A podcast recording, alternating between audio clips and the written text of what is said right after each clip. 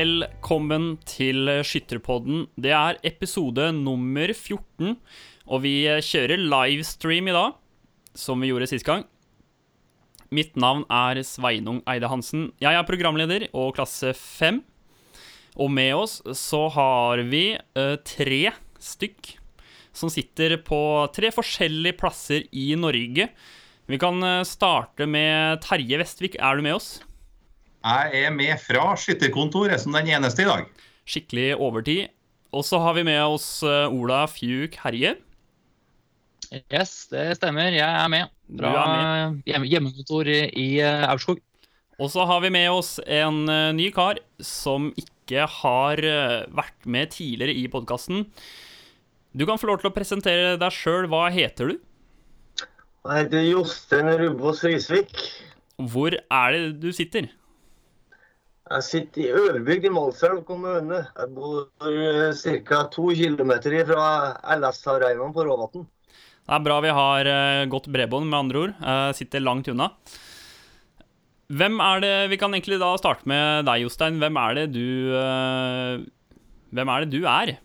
Ja, jeg er en mann på 49 år. Kommer fra Overhalla i Nord-Trøndelag, eller Trøndelag er det vel nå. Har flytta nordover i 1990. Og begynte i Forsvaret, og har vært oppe her etter hvert. Så da fant meg jo kvinnfolk her og da, vet du, så da ble det noe låst fast. Hvilken eh, klasse er det du skyter, eh, Jostein? Nei, Jeg nå skjøt jeg i klasse fem og har gjort det de siste tre-fire årene. Men eh, det, før den tid så har det jo variert litt etter treningsmengden av klasse fire og fem. Men nå er det klasse fem stabilt et par år. Å ja. Terje, du kjenner jo Jostein eh, fra før. Hvordan er det du vil beskrive han? Jostein er en eh, Det er hel ved. Altså, han er rette mann for oss å ha i, som leder i feltutvalget. Har jo vært med masse på landslagsstevne, arrangert eh, flere landslagsstevner nå. Så Jostein er en eh, praktisk mann som får til det meste han eh, skal gjøre. Så bra kar. Bra kar. Ja, vi er inne på det. Du er leder i eh, feltutvalget. Og eh, kan du fortelle litt om hva dere driver med der? Eh, Ja, Feltutvalget det er tenkt som et sånn rådgivende utvalg da, for skytterstyret for å fremme feltdisiplinene. Eh, feltdisiplinene det er jo da feltskjøting, og så har du jo skogsløp og skifelt. Stang og felthurtig er alle med i de der disiplinene vi har ansvaret for. Feltsesongen eh, i år eh, fikk en eh, brå slutt. Noen kom vel ikke helt i gang. Hva, hvor langt kom vi i, i, i feltsesongen i år? Nei, Sørlandet og Østlandet og kanskje Vestlandet har jo fått skutt en god del om ikke fått gjennomført. Men kom til Trøndelag, så har de jo fått bare gjennomført ett og to stevner i samlagene. Og når vi kommer opp hit, så rakk vi ikke å begynne engang. Det er jo litt av det er jo litt av utfordringa med feltskjøtinga, det at de har en sånn lang sesong. Mm. Finnmarkingene starter jo ikke feltsesongen før i slutten av april, begynnelsen av mai. Dem. Og da er det jo banesesongen pågått eh, halvannen måned sørpå. Ola, korona og stenging av eh, deler av samfunnet og bl.a. av feltsesongen har vel ikke vært noe unnskyldning for verken deg eller meg. Jeg lurer på, Ola, Har du vært på feltstevne i år? Ja, jeg har vært på feltstevne i år, men jeg har ikke skutt. Jeg har vært med og arrangert uh, feltstevne. Vi hadde Ja. Så det har ikke vært noe feltskyting på meg, nei. det har ikke det. Men vi hadde feltstevne her i Aurskog for Ja, det var søndagen før koronatorsdag, hvis det går an å si det. Mm. Hadde vi feltstevne. Koronatorsdag. Ja, så eh, Jeg har hørt eh, Eller nei, jeg har ikke hørt det. Jeg har sett uh, at du, Jostein, har skutt felthurtigfinale før. Um, Terje, hva er det som er spesielt med Jostein når han skyter felthurtig eh, på landslagsstevne? Ja, både når han var i finalen i 2014 i Sandnes og 2.16 da han var skytterteknisk leder eh, oppe i Målselv, så skjøt han som et slips i finalen. så det I moderne tid så er nok eh, Jostein den eneste som har gjort det. Det står det stor respekt av. I moderne tid, ja. Det er en stund siden, stund siden man gikk bort fra slips og, og skjorte og hatt. Ja, det var jo mye av det for å begynne med i DFS de første årene fra 1893 og framover. Så ser vi jo masse bilder der de har eh, dress og slips når de skal ut. Så det var jo eh, annet før i tida, det. Men eh, det er jo ikke så vanlig nå. og Jeg syns det er sporty gjort av en Jostein når han har gjort det, da, og viste at dette er høytid når vi har en stang feltturfinale på landslagsstevne. Ja, Han tar seg tar seg ikke sjøl så høytidelig, da, tenker jeg heller. Nei, det, det starta egentlig i 2014, eller da den første norgescuprunden var. Da hadde jeg en sånn eh, Da var det jo felthurtigfinale feltturfinaler på den nor første norgescuprunden. Og på lørdagskvelden da, så hadde vi jo skutt alle stevnene. Og da satt jeg og Roy Hogstad og Tore Nilsen. og da jeg hadde jo funnet ut at jeg ikke skulle skjøte noen felthurtigfinale, men så Roy Hogstad og hans eh, følge med resultat hele tida, så han var bra sikker på at jeg kom til finalen. Ja, så da sa jeg at hvis jeg kommer i finale, skal jeg slutte med skjorte og slips. Jeg fikk jo ikke tak i noe slips den uh, søndagen. Da, det ble bare en finskjorte, men uh, så kom jeg jo til en par felttur til finalen etterpå. Da ble det med slips. Så toppa jeg hele målstrøm med slipsnål i tillegg, som jeg fikk av Terje. Hvordan, eh, hvordan er det det kjennes ut på innsida av jakka? Nei, du merker ikke det der eh, Det er jo ikke klærne som skjøt, det er jo en mann inni. Godt poeng. Godt poeng. Men, men det var da kanskje prega av det i 2014. Det ble ikke like stor suksess da som i 2016. Mm. 2016 kom jeg til semifinalen, så det var jo egentlig over evne. Ja. Så da tenker jeg vi kan egentlig gå løs på et tema som har prega nok alle skyttere i landet. Landsskytterstevnet i Elverum, eh, det skal altså flyttes til 2021.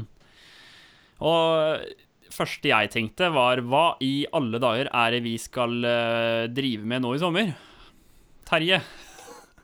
Ja, må begynne med at jeg må virkelig si at det var en trist beslutning. Men samtidig så var han jo helt nødvendig, og det var en uh, klok beslutning av skytterstyret å gjøre det allerede nå. Vi fikk jo også en henvendelse fra Elverum skytterlag som ba oss om å avlyse, fordi at dette har jo med store kostnader også. De begynner å pådra seg framover nå. Og også at mannskapet da nå skulle begynne å forberede landslagsstevnet for fullt. Og det er jo ikke akkurat tida nå for å samles og gjøre dugnad i mange personer samtidig. Så således var det viktig å få tatt beslutningen eh, allerede nå. Og så er jo DFS en sånn samfunnsbevisst organisasjon som tar samfunnsansvar. Og nå var det jo også at Forsvaret er jo tungt inne når vi skal arrangere LS. Og Forsvaret mener vi også nå da har eh, bedre ting å ta seg til framover enn å tenke på at de skal forberede et stort landslagsstevne. Så det var jo også med i denne beslutningen her når den tok den så, så tidlig, da. Mm. Og så må jeg si det at det var veldig sporty og veldig bra av arrangørene i Bodø 2021, da, som skulle være Voss 22 og Steinkjer 23, å være med på å sette ut dette landslagsstevnet sine i også ett år. Så de hjalp Elverum med å få det i 2021. Dette var, en, eh, var veldig bra og en beslutning da i beste DFS-ånd. Mm. Når er det sist gang uh, noe lignende har skjedd med landslagsstevnet? Ja, det har jo aldri skjedd lignende hvis de tar bort fra andre verdenskrig. Eh, det skjedde jo det samme da Harstad skulle ha landsdelsstevne i 1940, og fikk det igjen da i 1946. Så Det samme var jo da når det ble avlyst i 1940, selvfølgelig da pga. krigen. Så fikk de det tilbake første anledning etter eh, krigen. Men sist gang det hele stevnet har vært utsatt i det hele tatt, og det er nesten utrolig, det var altså i 1918 det ble utsatt én dag fordi at det regna så gærent på Kongsberg. Så det var ingen som ville begynne å skyte. Dette er lenge før vi begynte med tidstabeller og oppsatte skytetider på landslagsstevnet. Så da var, fikk vi kåra skytterkongen på en mandag, faktisk. Og det har vi heller aldri gjort. Sier du det, Terje, at uh, det ikke var skytetider? Altså du bare møtte opp, og så gikk, gikk på standplass? Det var sånn det var. Og folk bare gikk på standplass. og eh, Litt morsom å ta med også da med, med vinneren i 1918, da, som ble Ole Andreas Lille Olsen. Han som har de mest antall OL-gullmedaljer i sommerolympiaden. Det er veldig lite kjent, men altså, han har fem gullmedaljer fra sommer-OL og Mm. én gang skytterkonge. Så eh, det er litt spesielt også med, med 1918. Var det mye skyttere på den tida, da, sånn at du skulle håndtere at de kunne uanmeldt? Ja, det var bra deltakere eh, faktisk da på, på, på Kongsberg. Det var det nest meste til da. Det har vært mer i Oslo i 1914, men eh, jeg tror det var 1300-1400 som kom til, til, Kongsberg da i, i 1918. Så eh, de, de, de, fikk det til, og det var jo bare på fire dager da de var arrangert. Mm. Men tilbake til Harstad 1946. Hvordan var det å arrangere landslagsstevne etter, ja, etter andre verdenskrig? Ja, Det var jo sikkert kjempeflott med den stemningen som var da, å få et uh, landsstevne. Alle ville jo skyte da rett etter krigen, så det fikk jo en voldsom oppsving også. Landslagsstevner. Vi kom jo bare fram til 1950, så var det jo uh, eh, 5000 deltakere i Oslo. Så det var jo en voldsom entusiasme for skyttersaken. og når Heimevernet og ble oppretta samme året som uh, landslagsstevnet i Harstad i 46. Når vi er inne på Vi er jo inne på tema NRK sendte, sendte gulløyeblikk nå øh, over hele helga med masse øh, gamle idrettsopptak med nordmenn som øh, utførte store idrettsprestasjoner. Og der dukka det opp kjente fjes. Hvem av, dere, hvem av dere tre var det som satt og så på det? Jeg så på, jeg vet ikke om andre så. Jeg var ute i skauen, jeg skal innrømme det. Nei, jeg var på øvelse, så jeg hadde ikke mulighet. det var kjempebra. Jeg syns det var veldig bra. Og Katrine er jo så god til å prate for seg òg. Så eh, det var et godt innslag. Og veldig bra for DFS også å få sendetid. Når det, NRK nå sender seg lange flatene med, med minner fra, fra historien. Så det, det, er bra at vi blir regna med i en sånn sammenheng. Jeg må si også det Faktakunnskapene også i, i studio, de eh, det, det, var ikke mangel på faktakunnskaper om DFS og landslagsstevnet der. Ja, ledende, ledende, kommentar, det, til Terje. ja, Ole Kristian har gode kontakter når han, skal, når han skal ha litt fakta, for å si det sånn. Gjøre research. Men eh, jeg vil snakke litt om, eh, om en ganske stor uh, idrettsbegivenhet, i hvert fall for oss skyttere, som, som, pågikk forrige uke. Ola, du og mm. Runar, dere gikk i spissen og lagde hele Norge tørretrener. En ordentlig nasjonal tørretreningsøkt. Ja. ja. Fortell, fortell litt om det. Det var skikkelig morsomt. Altså, vi da når eh, si, Norge ble stengt da den torsdagen for noen blir snart tre uker siden, da eh, satt vi på kontoret og så begynte vi så smått å tenke litt på hva vi kan gjøre. En, og da, så Den fredagen etter så var det liksom, allerede da så hadde vi egentlig nesten bestemt oss for å gjøre det. Eh, og Så kjørte vi litt livesendinger og testa sånn, og så blei det hele Norge tørrtrener. Og da var det jo eh, du som også underveis der kom med idé, eller kom med den innspillputen med det du hadde tatt opp. da, ja. Eh, kommandoen fra LS i fjor i feltveska di. Og da var det jo greit. da Vi kjørte det opplegget. Så vi, vi ville jo på en måte ha aktivisere litt folk som sitter hjemme på sofaen, i eget lag òg. Det er mange ungdomsskyttere spesielt som er litt sånn frustrerte. Får ikke vært med og trent skyte sånn. Tenkte at det her må være bra. Så vi kjørte på. Det, vi hadde altså Tallene som Facebook gir, sånn kan være litt vanskelig å tyde. men det var På det meste som så på samtidig, så var det 400 stykker. Mm. Eh, men i løpet av sendinga så var det godt over 1000 stykker som var innom og så på. Mm. Uh, og all, Mange av de som var med, vet jo med seg sjøl at det, dere satt jo to, tre, kanskje fire stykker og så på. Så det var ganske mange som var med på der. Altså. Det var mange som var med og tørre, tørretrena forrige onsdag. Så det, var, det er noe, faktisk noe av det morsommere jeg har gjort på jobb på skytterkontoret noen gang. akkurat Det der. Det var skikkelig gøy.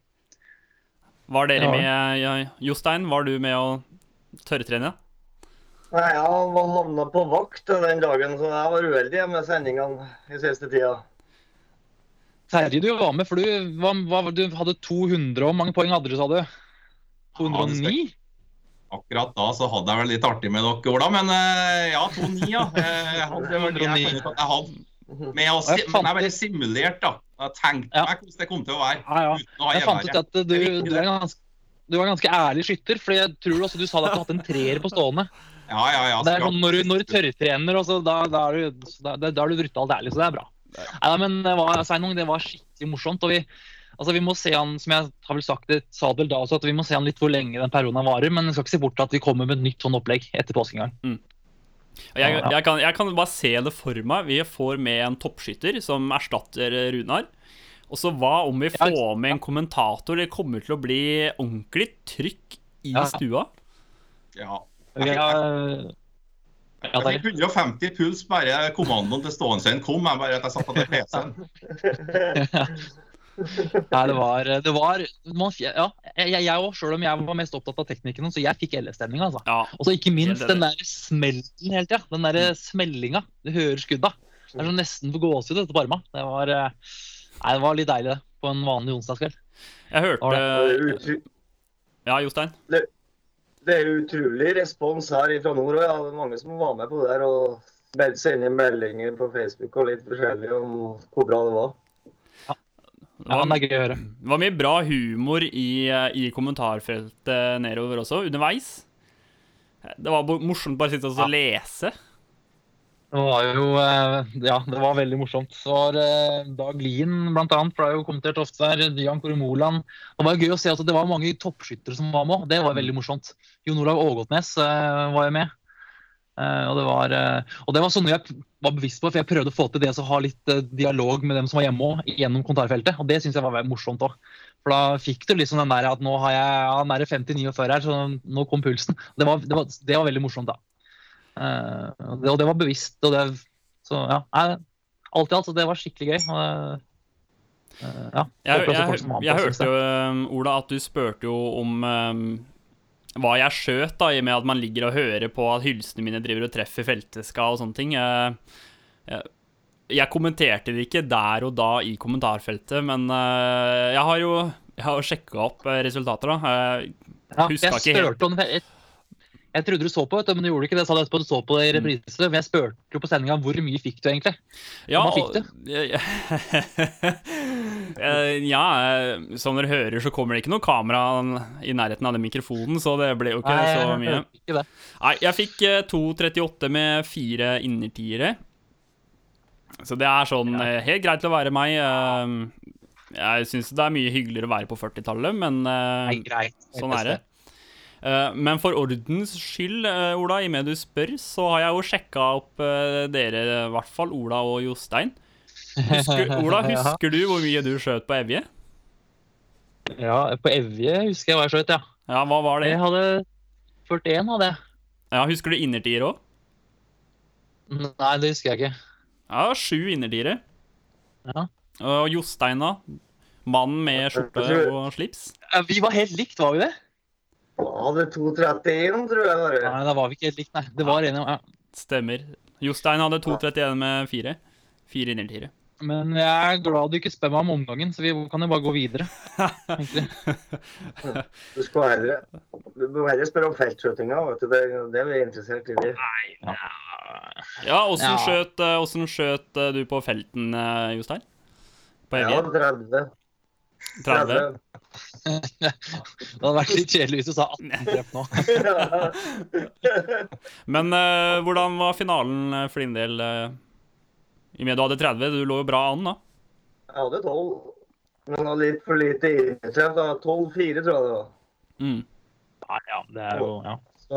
Fire-fem innertreff fra toppen. Men det er bra, det. Men det, det er bra når du sitter i feltutvalget, da, at du skyter eh, 42 treff. Ja, Tommel opp til deg. Ja. Eh, Forresten, Ola, når vi er inne på tomler, er det, er det noen som ser på, ser på streamen her? På sånn 130, mellom 120 og 140. Oi. Ja, tommel opp til, til Jostein i kommentarfeltet for, eh, for eh, 42. Se om du får noe svar. Men eh, vi, eh, altså, eller eh, Ola, du har jo kjørt en del livestreamer nå med, med intervjuer. Mm. Og da har du spurt gjestene dine om den samme tingen, og du ber de altså om å sette opp på en måte et drømmelag til, eh, til samlagsskyting på landskipsstevnet. Forklar, forklar hva som er greia med, med den. Han, er, han har stjålet den litt, da. Jeg har en uh, fotballpodkast jeg hører på, hvor Mm. gjestene hver gang får beskjed om å sette opp sin drømmeelver. Eh, og tenkte jeg at dette, gjør dette må gjøre med skyttere da. Så da tok jeg da samlerskyting LS, fire sceneskyttere.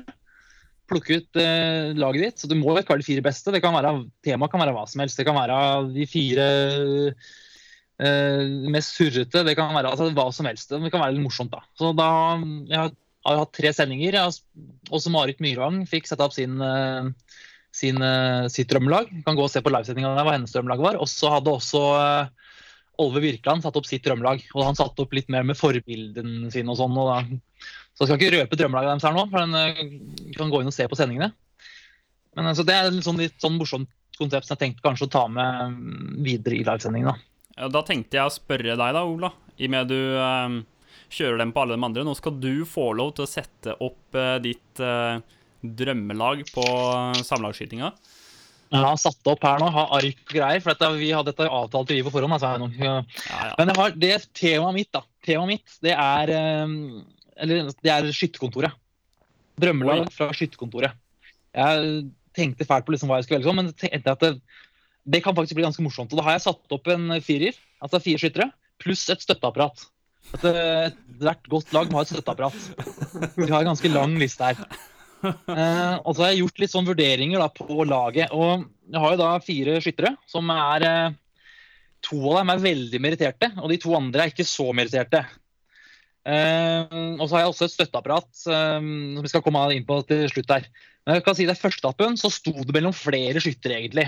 Eh, blant annet så var eh, nå, jeg kommer til, da kommer til å skjønne at ikke de er med på, på senere etappe, men sånn som Engbrett, Engbrett Mjøseng, utdanningssjefen, han var veldig aktiv for, for første etappen. Eh, han datt ut der.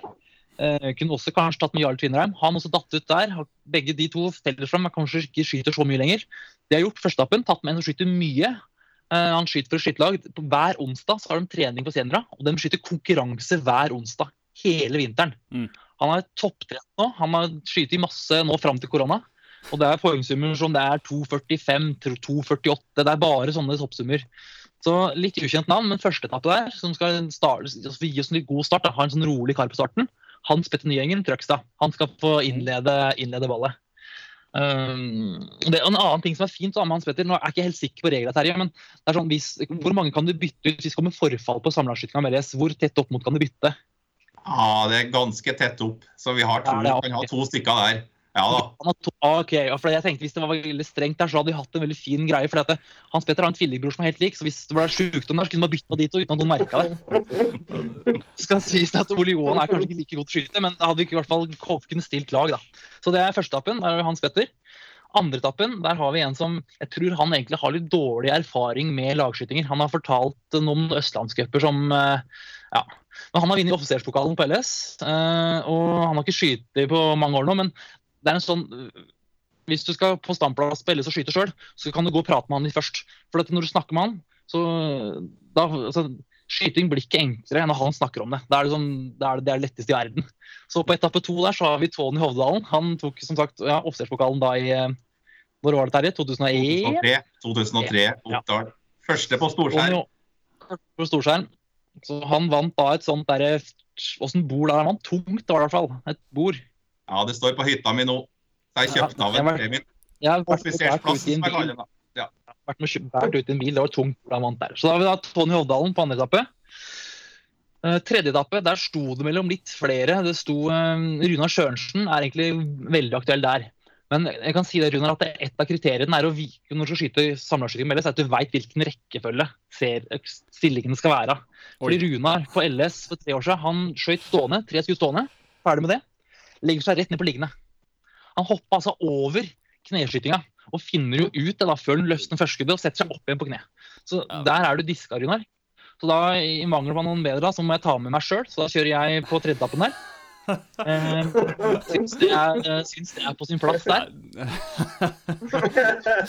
Det var fælt dere lo nå. Ja, nei, du, du har ikke noe troa på at Runar kan, kan Nei, få det her nei. til å bli riktig? Nei, så, så da, da kjører vi inn meg. Vi kunne kjørt flere. Vi kunne kjørt Per Jarle Kristiansen. Vi kunne kjørt, nå er sikkert noen jeg glemmer her, men ja.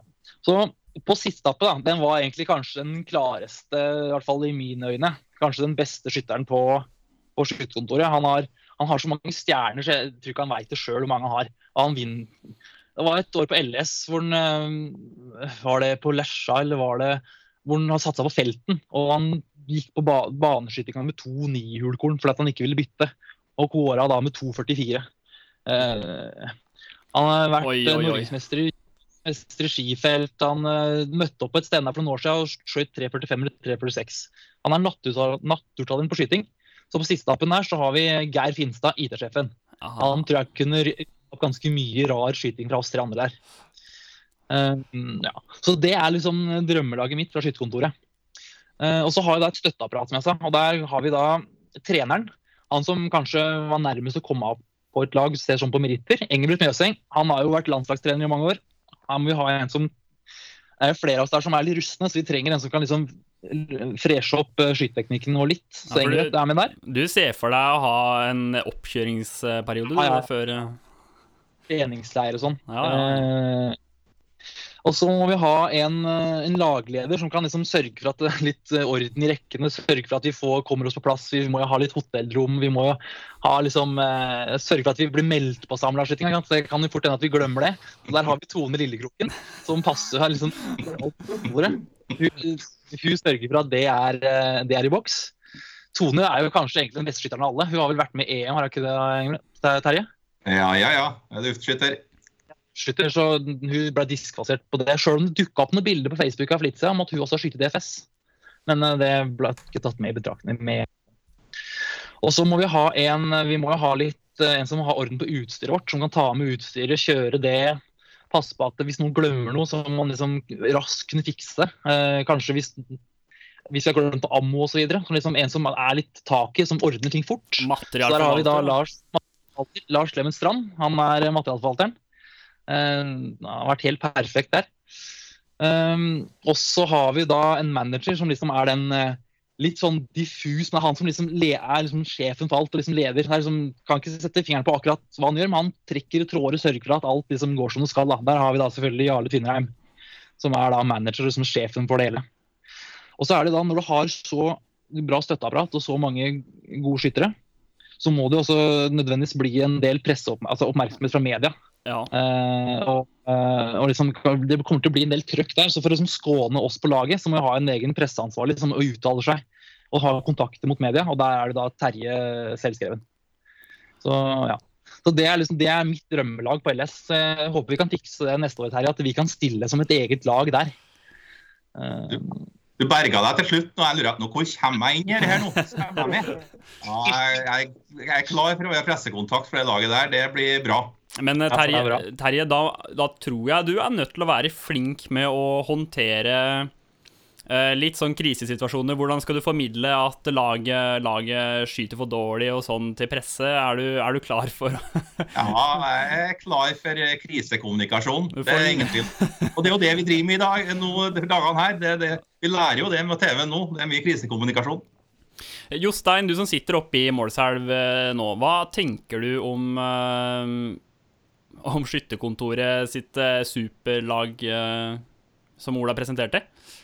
Ja, det blir vanskelig å overgå det laget der. Ja, det må ha litt tid på å finne et lag som skal slå det der, tror jeg. eh, Fikk du, fikk Ja. du tenkt igjennom, du Jostein, om er det, kunne du satt opp et drømmelag du òg? Jeg vet ikke om jeg klarer det så fort. Men... Må uh, må ha litt mer tid på det der. se litt på statistikk og Ja, Der tror jeg jeg må gå veldig nøye. Og jeg har ikke tenkt på sånn, å ha et sånn helt team rundt det der, da, vet du. Jeg tror nå jeg skal starte med Det må jo sikkert feires en sånn seier, så det må jo planlegges det òg. Må være ansvarlig for det òg. ordentlig bankett. glemte Banka glemte. bankett, jeg. Men eh, når Altså eh, Hvordan har egentlig sesongen vært i Nord-Norge fram til eh, Ja, fram til nå i vinter, da? Miniatyrsesongen har jo gått som planlagt og god deltakelse over, eh, overalt. Mm. Veldig interesse for eh, miniatyren. Det var egentlig veldig synd, og jeg tror det var stor interesse for feltene nå. Så det blir utfordring å holde trøkket oppe på den sida. Ja. Vi hadde jo et eh, møte i feltutvalget i går, og da avgjorde vi at vi skulle gjøre et forsøk nå eh, til høsten på å gjennomføre NM i skogsløp. Og prøve å finne en arrangør da, i september-oktober. Om vi lykkes med det, da, om det åpnes opp for det, det vet vi ikke ennå. Men vi, skal vi få det til, så må vi i hvert fall starte nå. Så Det blir litt spennende å se. Da, og da er det Vi ser for oss i området Elverum eh, eller i nærheten der. For Skytterkontoret de frigjør jo litt kapasitet når de slipper å bruke ferien sin på å arrangere landskjøtterstevne. Så da kan de kanskje bidra i større grad til å få til et NM i skogsløp. Vi får håpe at det lykkes. Hører du det, Terje og Ola? Da blir det arbeid på dere allikevel. Det Det blir ikke noe ferie i august. Og det blir ikke før eh, Vi har foreslått september-oktober, vi da. Vi tror at eh, det blir for tettpakka i august med sammenlagtstevner og Ja. Ja. Vi får håpe at vi får komme i gang, at vi får til det. Det hadde vært, eh, hadde vært bra. Det, det, er jo et veldig, det blir jo et veldig spesielt år, og vi vet jo ikke hvor lenge dette varer. Det, og det er usikkerheten nå, det å holde opp trøkket nå i skytterlagene og se fram til at vi begynner på igjen, det er jo veldig vesentlig. Og at man eh, bevarer positiviteten. Det, det er viktig nå med alle jeg snakker med nå om dagene, som er litt bekymra for hvordan det skal gå lenge til neste år osv. Så, så, så er det bra at, eh, at skytterlagene benytter perioden til å gjøre noe, noe positivt eh, likevel, på en måte, selv om vi ikke kan møtes. Men vi har jo ikke stengt for egentrening i DFS. Da, så eh, Det kan jo også være sånn at skytebaner har åpent for trening i, i mindre grupper. Inntil fem personer er jo det myndighetene har sagt. Ja, For det, det er Dette er lov. jo skytter- dette er jo skytterlagene som må da bestemme. I dag har jeg en sånn kreativ samtale med et skytterlag som har åpna for familietrening, faktisk. Der familiene kunne komme og, og velge skytetid på banen. At det var folk fra samme familie. Og det er jo OK i disse koronatider. Så kreativiteten lever ut der. Jeg tenker, eh, tenker eh, dere at vi skal gå over på den eh, faste spalten eh, vi har. Og det er eh, Terjes eh, hullkorn. Jostein, har du hørt på podkaster tidligere? Jeg regner med det. Ja, jeg har fått med meg et par av dem, ja. Hva syns du om å ha en fast spalte på tampen dedikert til noen anekdoter fra Terje? ja jeg synes det er supert. Jeg skjønner ikke hva han klarer å huske på alt det der ifra. Alle historiene han har. Hva er det du har funnet fram til oss i dag, Terje? Jeg tenker bare først å si at Hvis dere ser bak meg, så er det et par bilder. Noen har kanskje lura på hva dette var. Og til, til venstre her, da, det jeg peker bak her nå, da er et, eh, en diplom fra, fra sommerolympiaden i 1912. DFS var jo, har jo deltakerne på alle olympiadene fram til 1924. Så det er den diplomen DFS fikk da når det var deltatt. Det var jo jeg tror det var 24 skyttere som deltok på OL i 1912. Så vi har mye, mye godt der. Og Ole Lille Olsen, som jeg nevnte i stad, også var jo, eh, var jo sørga for mange OL-gull til DFS i den tida. Men det, det, det jeg tenkte skulle vie litt oppmerksomheten, eller det jeg fikk ideen fra, det var den, eh, den de, diplomen faktisk som er til høyre her. For det er fra det første VM i skyting som var i Lyon i Frankrike i 1897. Da tok femmannslaget til Norge eh, sølv på den skytinga. Oi. Og det, det var bra. Det første, Mm. Eh, første VM altså i 1897. Det var ikke så mye VM på den tida der ennå. Eh, det som da, Den ene som var på det laget, var Olaf Frydenlund. Olaf, så Derfor så tenkte jeg da skal jeg si litt mer om eh, Olaf Frydenlund. Mulig jeg nevnte den før også, men Olaf Frydenlund altså, var den som ble skytterkonge det første gangen det skulle være landsturstevn eh, på Elverum i 1895. Og Det spesielle med det stevnet der er at de også skjøt på 1500 meters avstand. Oi. Det var altså, de de får en skytterkonge på 1500 meter, men tenk at det er skutt på 1500 meter! Ja, hvor skiva da? Det må jo være helt imponerende. Er kanskje 1000 meter, er det langt nok? Nei, vi prøver på 1500 meter. Jeg har ikke sett noen resultatliste, men det står at det var tilfredsstillende treff. Og det måtte jo være et himla stor skive. Ja. Men eh, historien om Olaf Frydenlund var at eh, han var faktisk mistenkt i 1894, altså året før han ble skytterkonge, at han la en pute under knærne når han skjøt på kne. Og da var det noen som mente at han juksa. Det ble han Olaf Frydenlund altså, så gæren på. Han var jo østfolding, kom fra Tissedal, eh, Tune, skjøt for Tissedal. Han ble så gæren at han skrev leserinnlegg til alle landets aviser, men først og fremst til VG, der han ba enhver skytter som ville prøve å konkurrere mot ham, bare stille opp, for da skulle han sette Jeg tror faktisk det var versert eh, beløpet 1000 kroner, som var helt voldsomt med penger den gang. Mm. Og han utfordra alle landets skyttere til å komme, og skyte mot den, og da trengte han ikke å bruke der puta som da var som et lommetørskle å regne, som han skrev da i, i VG. Så, eh, og det vites ikke om det var noen som utfordra han. Jeg tror ikke det var det. Og Olaf Frydenlund han hadde deltatt i mange VM, var en børsemaker. Var veldig en kjendis på den tida, og det sies jo at han er den eneste profesjonelle skytteren vi noen gang har hatt. Tenk deg det, profesjonell skytter i år 1890-tallet. Så det var ikke kjempemorsomt, men det var litt morsomt det med pute under knærne, som han regna som et lommetørkle. Det var det for at det var litt vondt da, egentlig, å ligge på knærne. Men, men Terje, hvem er det som betalte han for å skyte, veit du det? Eller nå tror jeg jeg tar litt på senga, men altså, hvis han var profesjonell? Ja, ja, da, det spørsmålet om om han fikk noen kroner da, for å fare og holde noen oppvisninger på skytinga si. At han for rundt Ja, ja. Ja. Han må jo få mye pengepremier eh, også, var ikke det en svær greie den tida?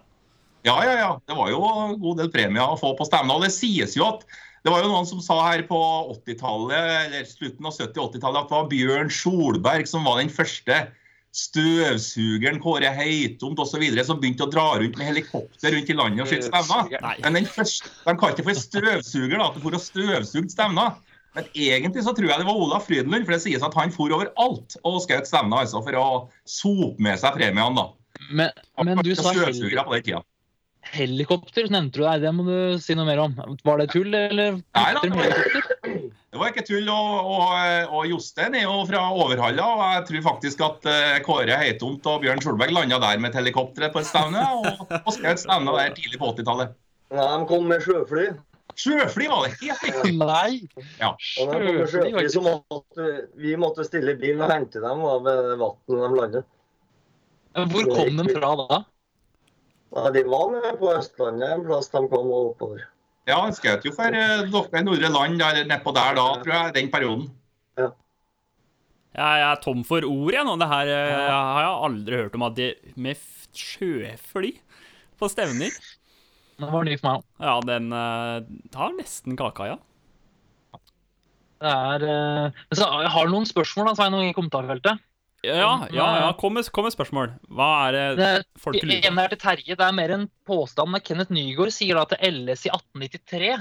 Det ble avlyst. Hva, hva Stemmer det, Terje? Nei, det ble jo ikke avlyst. Det var jo i, det var jo i første stevne vi hadde i Kristiansund. Ja. Så det var, det var landslagsstevne. Vi har jo landslagsstevner før det òg, men dette er før DFS-tida. Det første landslagsstevnet var jo i 1885. Men da var det bare Sør-Norge som var med, og så var det første med hele landet med var i 1886, da. Ja. Så, eh, mens i 1892 var det ikke noe landslagsstevne, for da var det sånn eh, nordisk hovedstadsstevne i, i Oslo, så da, det samla jo 3000 stykker, så da var det ikke noe landslagsstevne i 1892. Men vi regner jo 1893 som det første som da, da var i Kristiansund. Er det Da fikk vi Altså, det er noen flere spørsmål. Vi kan trenger ikke ta alle, men det er også det kan jo, Siden vi har med Jostein, da, så kan vi jo ta det spørsmålet her også. For det er jo noe som har blitt behandla nå, som DFSU har behandla. Jeg tror feltutvalget har behandla det òg. Og det er jo det med stang- og felturter fra eldre rekrutt. Ja. Ja, ja, ja. Eh, eh, om det, og da er spørsmålet om det kommer til å bli på LS neste år. Og det er jo eh, Det skal vel først opp på Skyttertinget, dette her. Kan ikke, dere har behandla det, Jostein, har dere ikke det? Ja, jeg var, måtte melde forfall på det møtet pga. den koronagreia, men eh, vi Ja. behandla det på forrige møte. Ja.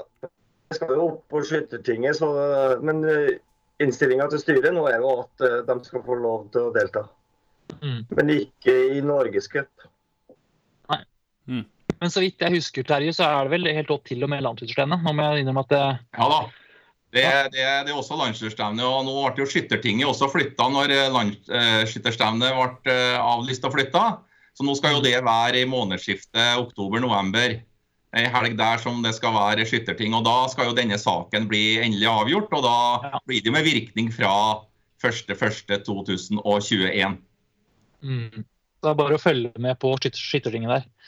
Og så har vi eh, Geir Anders Hetta Berg. Eh, han spør om lydfila fra hele Norge tørrtrener, og vi har lova den. Den kommer, så det er bare å vente og se.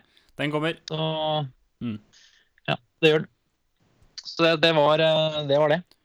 Fra kommentarfeltet i, i dag, egentlig. Det her var en uh, trivelig liten podkast nå denne tirsdagskvelden. og hyggelig å ha med, hyggelig å ha med Jostein fra, fra Øverbygd. Det var hyggelig å være med òg. hang jo en, hang, vi skal jo si at det hang jo i en tynn tråd der. Vi, vi, vi fikk den jo på her bare et par minutter på, før sending. Det var litt tekniske problemer, men det gikk jo, gikk jo bra når vi først fikk deg med. Og Jeg tror ikke at det har jeg tror ikke det har sammenheng med at, eh, med at kanskje dette med at ikke dem fra nord er så glad i oss fra sør eh, akkurat nå. Så jeg tror ikke det var noe boikott som var at det ble stopp i Bardu der, eh, Jostein. Men Målselv er jo åpen. Ja, Bardu har stengt. Der må du 14 dager karantene hvis du kommer sørfra. I Målselv har vi åpent. Ja. Men samtidig jobber jeg i Forsvaret, da, og der har jo Forsvaret hivd seg på den karantenen til Bardu. Så der er det ingen eh, som får reise inn på påskeferie nå. Det er vel store muligheter for at de ikke kommer hjem før i mai nå, antageligvis. Og det er en del folk som ikke har vært hjemme siden jul, så jeg tror det er noen som begynner å glede seg litt. Mm. Ja, Ordføreren i Bardu har jo blitt en kjendis, Toralf Heimdal, som eh, har vært mye på TV i det siste. Som da er gift med Heidi Rognli, som var skytterprinsesse i 1997. Da fikk vi en liten sånn uh, skyting der også. Ja, det fester Ja, nå det, det var en ganske sånn rar link. Du måtte jo til hun som var sammen med Å ja, ja.